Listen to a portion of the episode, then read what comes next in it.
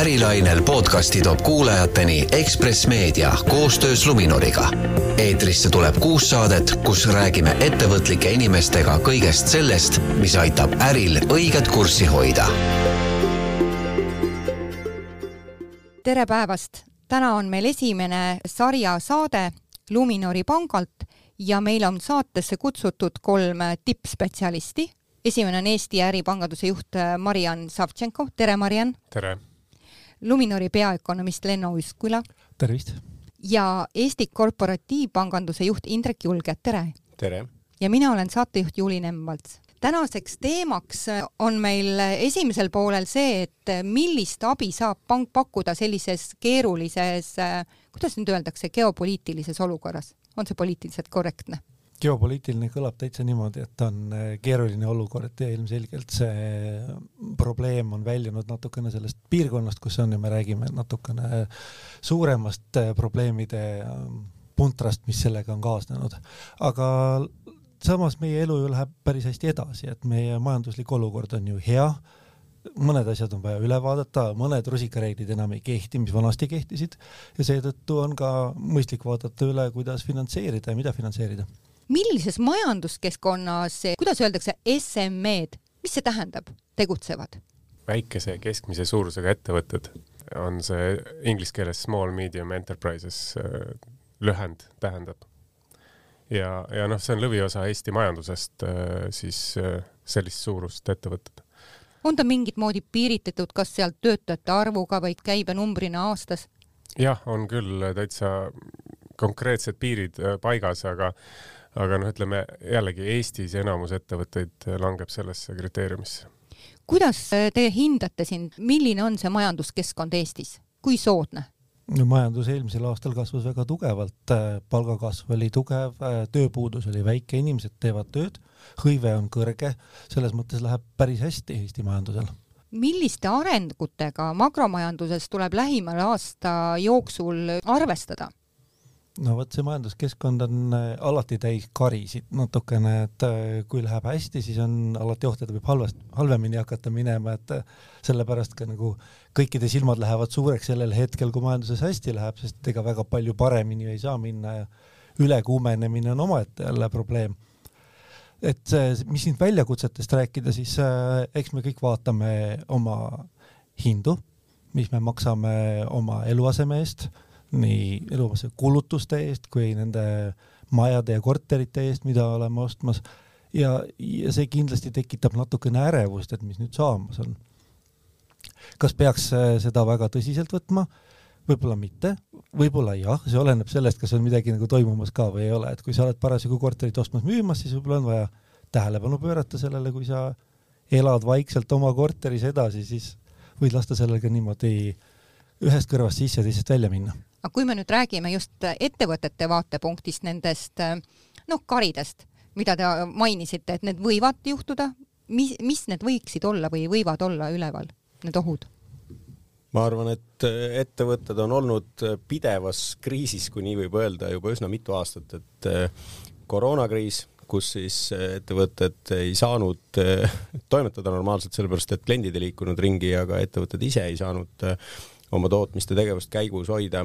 siis, kui koroonakriis hakkas leevenema, tuli kohe meil energia, eks ole, hinnakriis ja nüüd on meil siis geopoliitiline kriis, aga tegelikult ei ole ka need eelmised kriisid ju sada protsenti veel ära kadunud, et äh, tarneahelaid mõjutavad tänase päevani veel Hiina lockdown'id, energiahinnad on endiselt kõrged ja geopoliitilise kriisi tõttu äh, ilmselt äh, lähevad veel kõrgeks, kõrgemaks. aga eks ettevõtted on olnud kogu aeg väga kohanemisvõimelised ja tegelikult oleme me ka praegu näinud, et üllatavalt eh, kiiresti suudavad ettevõtjad kohaneda olukorraga. kui tarneprobleemid tekivad, leitakse uusi tarnekanaleid. noh, hinnaprobleem, eks seal on ainuke võimalus siis nii palju kui võimalik seda, seda hinda nii-öelda edasi kanda järgmisele tasandile või lõpuks lõpptarbija juurde välja. ja, ja eks see nii on ka praegu läinud, et äh, me ei näe, et oleks äh, mingisuguseks tohutus paanikaks põhjust, aga, aga ettevõtjate jaoks praegu jah, kui te küsisite, et millised on need karid või et, et need väljakutsed, siis äh, ongi äh, tarneahelate leidmine, asendamaks neid, mis on siis saanud kannatada geopoliitilise olukorra tõttu. Ja kuna hinnad on tõusnud, siis kogu see varude varumine, eks ole, on ka kahesuunaline ülesanne, et ühtepidi, kus sa need leiad, teistpidi on nad kallimad kui ennem.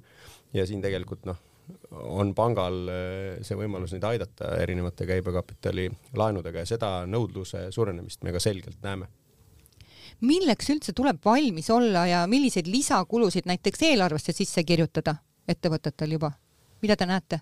no täna seisavad kõik ettevõtjad silmitsi sellega, et äh, kulud on nagu peamine moment, ehk siis seesama varude soetamine, need hinnad on hüpanud siin kohati kaks korda mõnesuguse, mõne, mõne siis toorme osas ja peamine mure võib-olla ettevõtjatel on, kuidas seda hinda edasi kanda tarbijatele.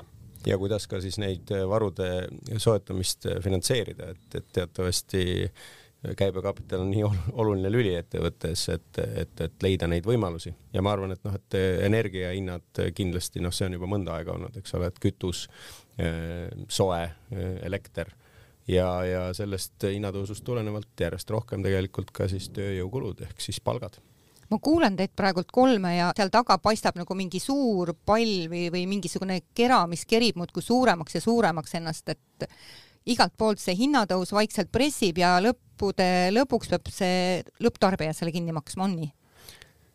Noh, ilmselt rohkem lennupärusmaa, aga, aga mis viimastel aastatel enne seda koroonakriisi algust tegelikult ju toimunud on maailmas, on see, et on olnud äärmiselt madal inflatsioon.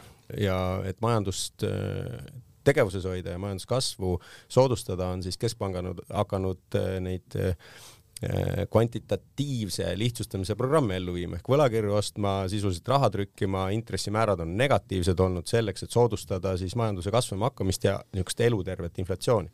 no nüüd me oleme sinna jõudnud see üheksateist protsenti vist Eestis oli.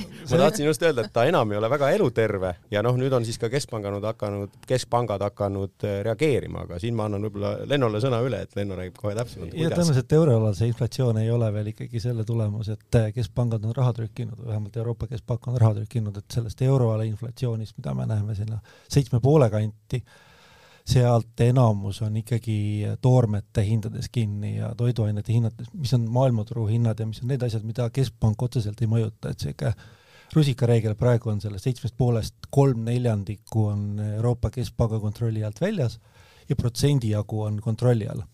et kui siin rääkida kõikidest asjadest, mis on kallimaks läinud, siis vastupidi, laenamine on odavam kui kunagi varem Reaali, ka nagu hea uudis. reaalintressid ei ole mitte kunagi varem nii odavad olnud Eh, euroala eh, perioodi jooksul, alates üheksakümmend üheksa, millal euro tuli Euroopasse, ei ole reaalintress nii madal olnud, reaalintress on siis see, et kui sa võtad selle intressi, mis sa maksad pangale ja lahutad sealt selle inflatsiooninumbri maha.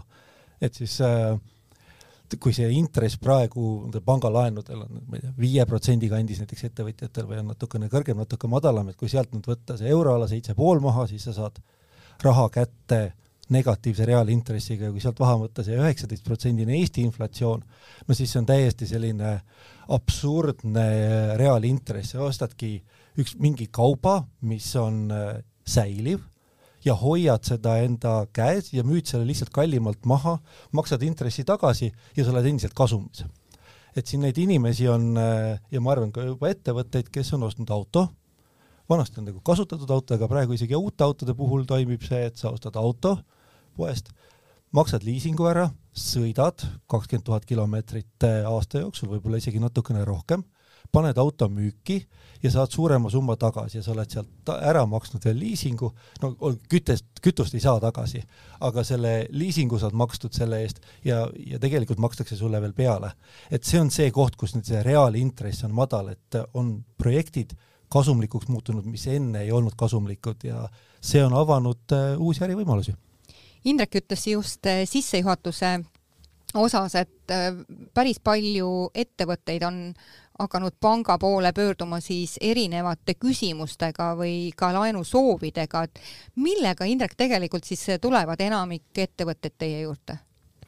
eks erinevate küsimustega ja sõltuvalt millest lähtuvalt, et kui nad tulevad sellest tekkinud olukorrast lähtuvalt, siis on peamiseks äh, tooteks, mille vastu huvi tuntakse, ikkagi käibekapitali laenud mis tähendab seda, et tulebki siis leida lahendus, kuidas suuren, suuremaid laeva, laovarusid ja kallima hinnaga laovarusid finantseerida. Et seal on siis arvelduskrediidid, kui me räägime käibekapitalist laiemalt, siis ka faktooringu toode. Ja lisaks, kus me näeme ka olulist tõusu, on siis kõikvõimalikud väliskaubanduse finantseerimisega seotud tooted on see siis garantii, on see siis äh, akreditiiv nii import kui ekspordi poole pealt ja see annab äh, tunnistust just sellest kohanemisvõimest.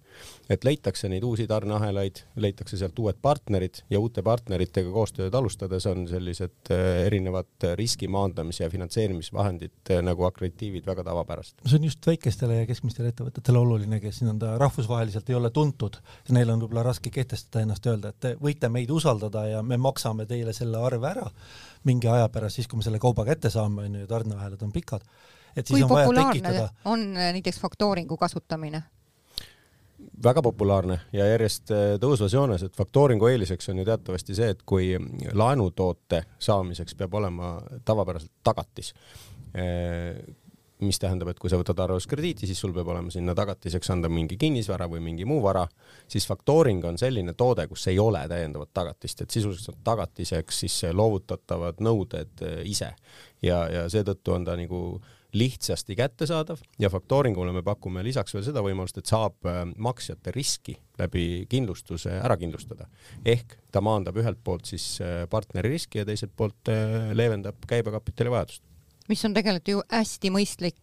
ma tean, et Eesti ettevõtetel pahatihti ei ole seda kindlustuse äh, harjumust, võib-olla ainult väga sellistel teadlikel klientidel, et äh, rõõm on kuulda, et pakute kohe ka sellist äh, võimalust. Mariann, mida teie kliendid räägivad, kui nad tulevad teie juurde küsima?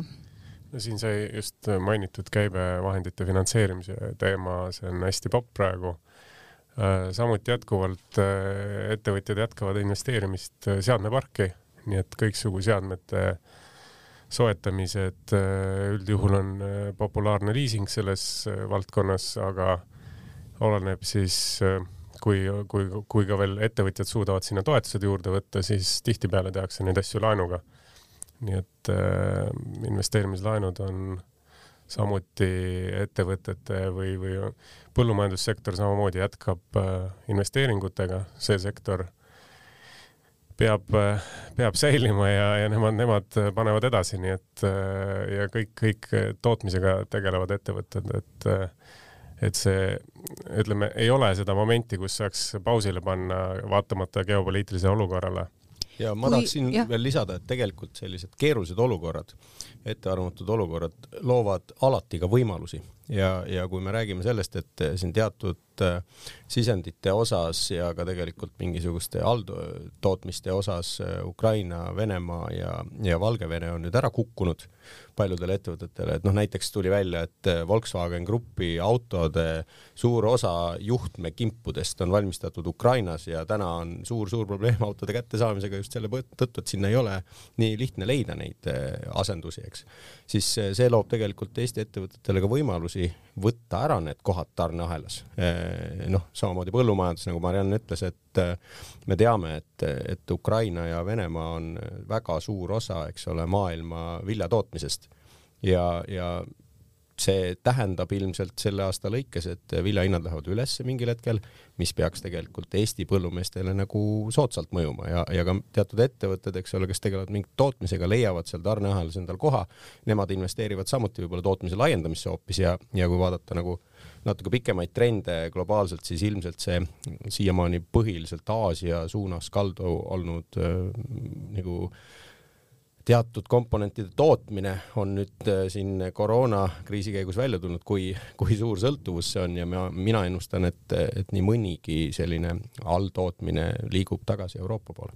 ja see tundub väga mõistlik trend, et äh, ma tahtsin veel Marianni käest küsida, et kui Covidi ajal ettevõtted panid oma enamuses siiski oma investeeringud seisma, siis kas nüüd võib öelda, et investeeritakse sama julgelt või lihtsalt natuke julgemalt edasi? selle koroonaga oli väga huvitav moment, et äh, see esimene laine siis äh, tekitas äh, tõesti selle olukorra, kus kõik panid pausile. tegelikult ka majandus ja, ja, ja riik pani, ütleme, kõik noh, ütleme ehmatus oli väga suur, aga, aga see ehmatus läks suht kiiresti mööda ja siis pandi ikka megahooga edasi. nii et see investeerimise hoog on olnud päris tugev. Nüüd äh, inerts läheb edasi, väga huvitav, mis hakkab toimuma nüüd teises aastapooles inflatsioon mõjutab tegelikult ka ettevõtjaid, ehk siis need tarbijad, kes nendelt ostavad kaupu, äh, neil jääb iga päevaga vähem seda raha taskusse, et, et midagi soetada. nii et, nii et noh, mingi hetk see, see tempo peab, peab raugema. aga, aga jällegi inflatsioon näitab ka seda, et tarbimine paneb äh, meeletu kiirusega edasi, nii et äh, ja ettevõtjad hetkel ainukene, ütleme, moment, kus niimoodi on nagu pausil, on see, et kui ettevõtjatel on mingi arendusprojekt käsil siis ehitajatega ei suudeta kokkuleppele jõuda, mis hinnaga see projekt siis valmis ehitatakse. ja need projektid täna on sellises võib-olla pausi staatuses. nojah Aga..., kui korteri hind sõltub äh, või selgub alles notari juures, siis on ju see täiesti uskumatu olukord. Jah, ja aga, aga siin ka mina küll usun, et eh, turg kohandub, et kui siiamaani on teinud eh, ehitajad peamiselt arendajatega sellised eh, kinnise hinnalepingud ehk et hind öeldakse ette, millega kahe aasta pärast maja valmis on, siis, siis täna neid enam keegi ei tee ja siis tulebki neid riske nagu arendajaga jagada, aga noh, teiselt poolt tegelikult kui me vaatame, kui palju meil on turul valmis korterid müügis, siis see number ei ole ka väga kaua aega nii madal olnud ja, ja tundub, et Eesti majandusel just nagu sisetarbimise mõttes läheb äh, päris äh, hästi, et äh, meil on kümme ükssarvikut. okei okay,, seal on igas ühes võib-olla üks-kaks eestlast, kes on väga rikkaks saanud, aga nende selja taga on veel võib-olla kakskümmend eestlast iga ükssarviku puhul, kes on saanud optsioonidega noh, üsna rikkaks, mõni miljon. Ja nad kõik ostavad endale, eks ole ju ka siis ilmselt parema eluaseme ja noh, ma, ma näen, et sealtpoolt see nõudlus on ka päris tugev olnud ja noh, kui vaadata Eesti autoparki tänavatel, siis tundub kohati, et oled Monacos kas võib ka öelda, et inimesed äh, natuke muretsevad oma seisva raha pärast, mis on olnud pangakontodel ja püüavad seda näiteks kinnisvaru vastu välja vahetada? pangakontode seis ei ole kunagi nii kõrge olnud kui täna. ohoo, millest see räägib siis, kas inimesed koguvad nagu hamsterpõske endal või Eestis on tihtipeale niimoodi olnud, et kriiside ajal inimesed hakkavad rohkem säästma ja, ja vähem tarbima ja see on mõnes mõttes nagu see põhjus olnud, miks meil kriisid nii sügavad on. tavamõistus ütleks, et säästma peab siis, kui on hea aeg ja, ja kulutama sellel ajal, kui on halb aeg, et kui sa mõtled nende viljakasvataja peale, et siis äh, kui sul on halb äh, viljaaasta, siis sa ei pane eriti palju vilja kõrvale, vaid sa paned natukene vähem vilja kõrvale ja tarbid ise vähem, onju, et et võib-olla selles mõttes on nagu natuke normaliseerumas see olukord, et me sel korral ei ole oma tarbimist nii palju äh, vähendamas. selle hinnatõusu juures on nagu kaks asja, millest nagu peab mõtlema ja tavaliselt aetakse need sassi omavahel, üks on see, et kui on hinnad tõusnud siis see näitab seda, et me oleme vaesemaks jäänud, et need säästud, mis meil olid, need tõesti on vähem väärt praegusel hetkel selles majandusolukorras, kui me läheme kulutama. no ma mõtlengi see üheksateist protsenti inflatsiooni, see ju sööb krõbinal praegult kõike. see sööb äh, krõbinal päris mõnusalt kõike, seal on väga palju neid asju, mida ei ole võimalik ette osta.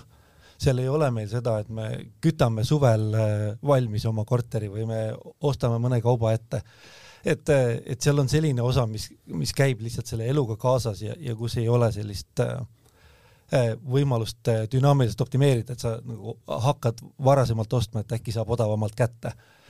Äh, teine osa on just see oodatav inflatsioon. see on nüüd see, mis paneb tarbima, et nüüd, kui me teame, et me oleme vaesemaks jäänud, et mis me arvame, et hinnad teevad tulevikus. ja nüüd see iga kord nagu iga kuu me peame mõtlema, et huvitav, kui palju need hinnad tulevikus kasvavad ja, ja mis ma selle rahaga teha saan. ja Eestis on praegu ikkagi see inflatsioon kaheks jaotunud.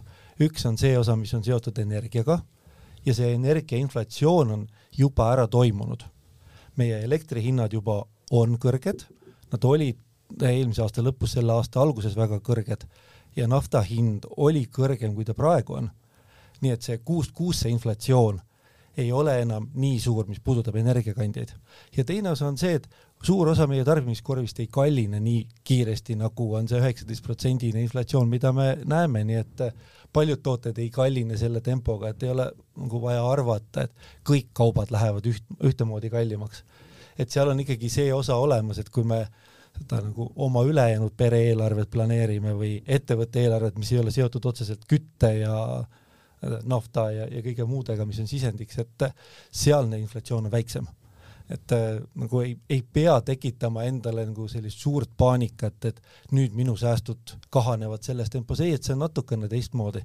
ja, ja, ja kuna see hinnatõus on ära olnud, siis me ikkagi ootame seda, et see hinnatõus tuleb ka alla. et see hinnakasvud, et me, me armastame vaadata aastakasve, need on mugavad, sellepärast et sesoonsus on väljas aga võib-olla varsti me peaks hakkama kuust kuusse hinnakasve vaatama rohkem, kui on aasta-aasta kasve, et need näitavad äh, seda, mida hinnad tulevikus võivad teha ja, ja kui me ootame siin inflatsiooni alanemist, siis äh, hinnatõus äh, ikkagi hakkab meil oluliselt väiksemaks muutuma, võib-olla mitte nagu mais-aprill, mais-juunis. järsku sügiseks või?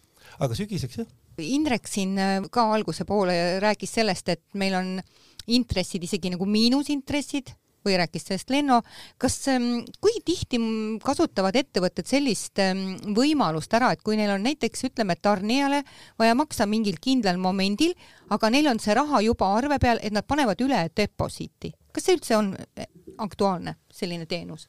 ei ole, sellepärast sa pead peale maksma selle eest. eks, on ju, vaata, kuidas on olukorrad muutunud. jah, aga no on alust arvata, et järgmisest, äh, kuskil järgmise aasta algusest jõuavad intressimäärad taas plussi poole tagasi et ja et eh, ettevõtetel siis... oleks mõistlik ka seda sinnapoole kiigata. no eks siis ettevõtted hakkavad vaatama, et vaba raha niisama hoida konto peal ilma mitte midagi sellest saamata on alati kõige ebamõistlikum tegevus, et raha peab tegema raha, eks, et, et ja kui ta sul seisab ja sa võima, on võimalus kasvõi väikest intressi teenida, siis seda kindlasti ka kasutatakse.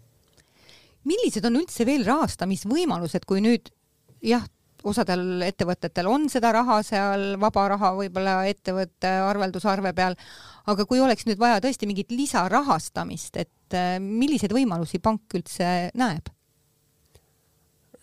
jällegi, meie tegeleme universaalpangana, me pakume siis laenusid, kõikvõimalikud finantseeringud, äh, on see laen, liising, pikk laen, lühike laen, et äh, see on nagu üks moment, teine moment võib-olla siin sai mainitud. Äh, ka roheline laen, eks, ma tean, et mingid rohelised tooted on teil ka nimetame siis neid roheliseks laenuks.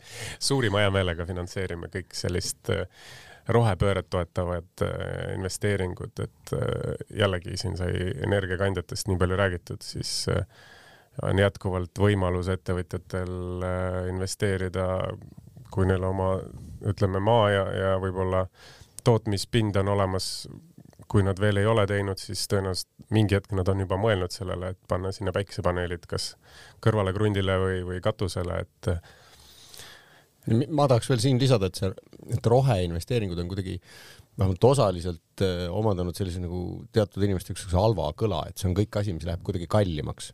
et äh, tegelikkus on ju vastupidine, et noh, minu, mulle meeldib alati tuua seda paralleeli, et kuidas saada inimesed õigesti käituma läbi rahakoti, et, et noh, prügi sorteerivad paljud inimesed, aga mitte sugugi kõik, aga taarat tagasi viib näiteks väga palju suurem osa. ma ei usu sellepärast, et nad tahavad väga nagu keskkonnasõbralikud olla, nad saavad seal kümme senti selle pudeli pealt ja raha ära visata on lihtsalt nõme ja täiesti nõus. ja seetõttu ka roheinvesteeringute kohta ma ütleks, et, et on äh, ju enda tarbeks päikeseenergia tootmine näiteks, eks on, on alati kõige soodsam, et sa ei pea maksma mingisuguseid võrgutasusid ega mitte midagi, eks, et, et kõik, mis sa toodad, sa tarbid ise ära ilma võrgutasude, taastuvenergia tasude ja muude tasudeta, mis sa maksad juurde, kui sa elektrit ostad.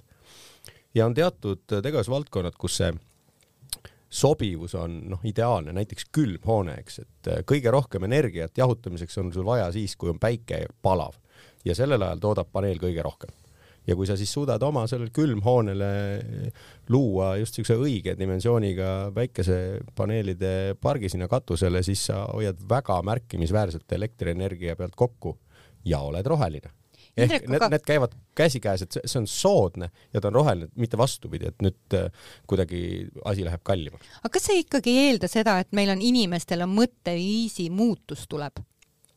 Ja sageli on võib-olla just ettevõtetes äh, juhtideks äh, ka eakamad inimesed, kes on võib-olla juba kolmkümmend aastat teadnud, kuidas asjad käivad ja nad ei ole valmis veel seda mentaalset muutust tegema või tulema sinna kaasa, et roheenergia on, on täiesti aktsepteeritav. ma tulen tagasi selle alguse mõtte juurde.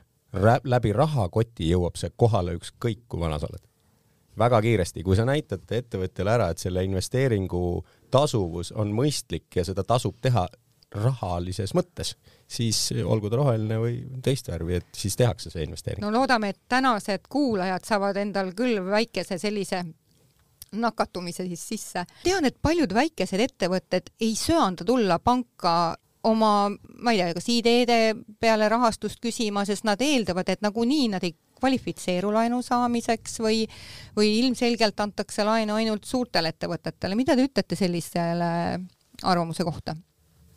see on müüt tegelikult, et äh, ettevõtted, kes jällegi idee peale raha saada, see on natuke teine asutus kui, kui pank, et äh, et äh, aga sellest ideest võiks ikkagist mingi äritegevus sündida ja siis äh, äritegevust mõõdetakse üldjuhul aastate kaupa, majandusaastaaranne tekib, tekib kasumlik tegevus ja siinkohal juba võiks panka pöörduda, kui tõesti tahaks kiiremini kasvada aga lisaks võib-olla konkreetsele laenutoote pakkumisele nendele ettevõtjatele, siis kui juba panka tulla ja, ja spetsialistiga asju arutada, isegi kui meie selles võib-olla ettevõtte faasis ei ole need õiged finantseerijad, siis nõu me saame ikka anda, kus, kust see finantseering võiks tulla või, või kuidas seda asja peaks algusest ajama. kas teil on ka mingeid konkreetseid näiteid tuua, kus on ähm, mingi projekt läinudki töösse? Need näited pigem võtamegi nagu enda klientide baasilt, et kliendid on on olnud idee, nad on hakanud seda realiseerima, tihtipeale äh, esimene variant, rahastus on võib-olla võimalik mingite toetuste näol kaasata või siis on investorid huvitatud sellest asjast ja, ja kui see asi juba tekitab äri, siis äh, tekitab käivet. Ja, ja noh, panga jaoks on oluline, et see äri on ka kasumlik, siis äh, need kliendid on tulnud lõpuks panka, saanud finantseeringu peale ja, ja noh, neid näiteid on ikka päris palju, nii et et, et see on tegelikult mingi müüt, kus, kus, et väikeettevõte ei ole üldse huvitav pangale, et väikesed ettevõtted on tegelikult väga olulised. ja iga ettevõte on alustanud väiksena.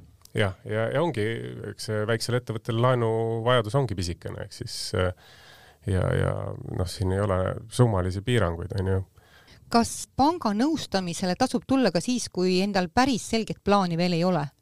No mingi ideede faasis või et? nõustamisele võib alati tulla, et aga noh, hea, kui on endal ka selge see vajadus, et mis ma siis tegema hakkan, et, et pangaga koos äriplaani kokku panna tõenäoliselt ei oleks kõige mõistlikum aga mingisuguses etapis võiks ikkagi pöörduda juba? äriplaan on valmis, siis oleks kindlasti hea juba pangaga läbi arutada, et siis on juba seal kõik, kõik need momendid äh, läbi mõeldud ja, ja pank saab siis juba suunata, kus kohas oleks kõige mõistlikum seda siis äh, finantseerida.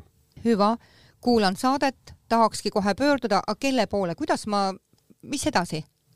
jah, no täna, täna digitaalses maailmas on niimoodi, et meil on äh, internetipank, sinna siis äh, minna koduleheküljele luminor.ee, esitada taotlus. kas ma pean olema juba teinud Luminori kliendiks ennast? ei, ei pea nii et taotlus esitada pangale ja, ja siis juba pangahaldur võtab ühendust ja, ja, ja leitakse siis kas, kas, kas see on siis võimalik panga finantseeringuga teha või, või on mingi muud, muud valikud.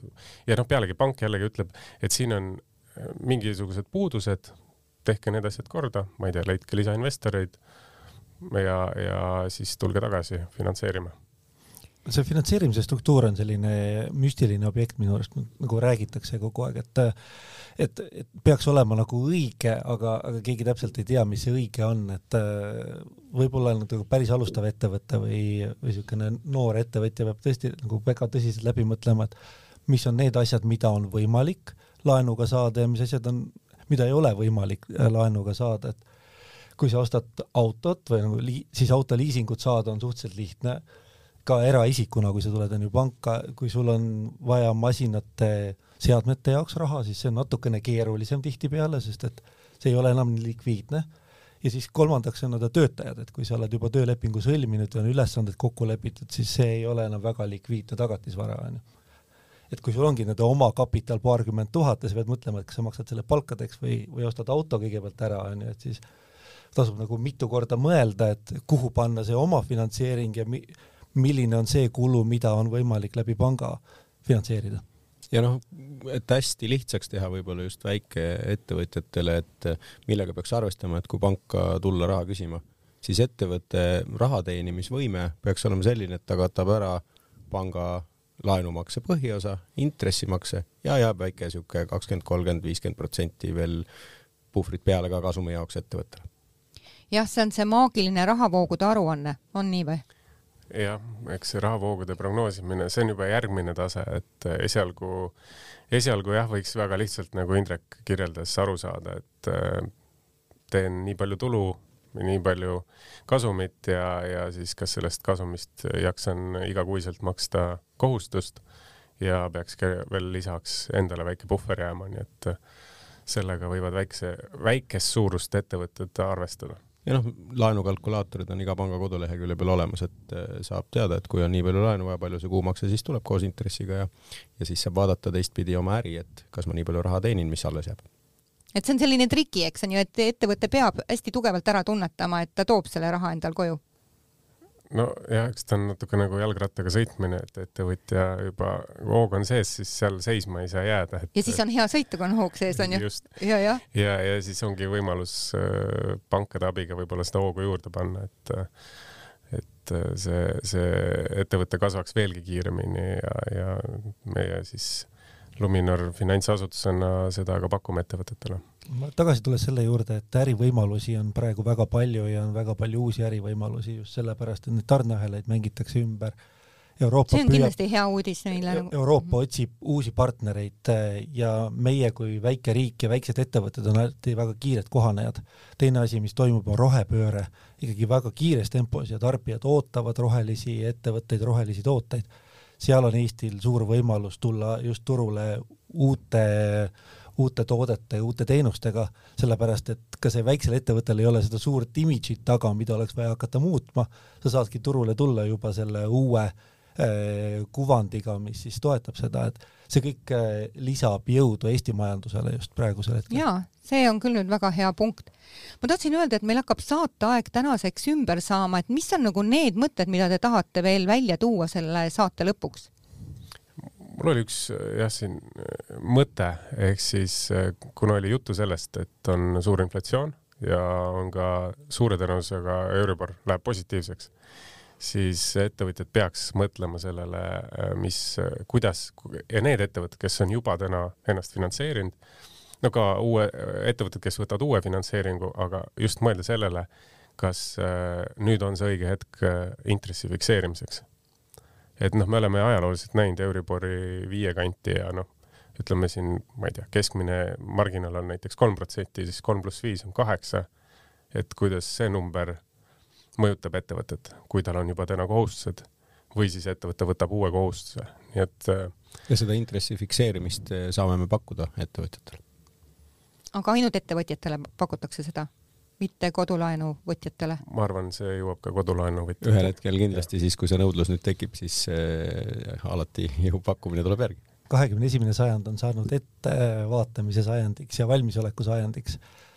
väga paljude riskidega tuleb äh, lihtsalt rinda pista ja vaadata, kuidas on võimalik äh, toime tulla selles olukorras, kui midagi juhtub ja intressid on üks nendest näidetest, sisendihinnad on teine, äh, tarneahelad on kolmas, et tulebki lihtsalt ringi vaadata ja mõelda, kuidas ma hakkama saan, kui see või teine sündmus juhtub ja teistpidi, kui see või teine sündmus juhtub, kas mul on mingi uus võimalus sellega avanemas nende heade mõtetega, et me leiaksime alati uut võimalust ja ei võtaks väga traagiliselt seda, millisesse olukorda me oleme juba sattunud.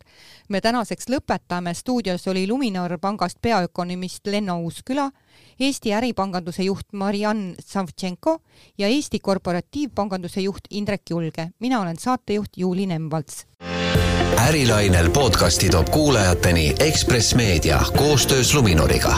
eetrisse tuleb kuus saadet, kus räägime ettevõtlike inimestega kõigest sellest, mis aitab äril õiget kurssi hoida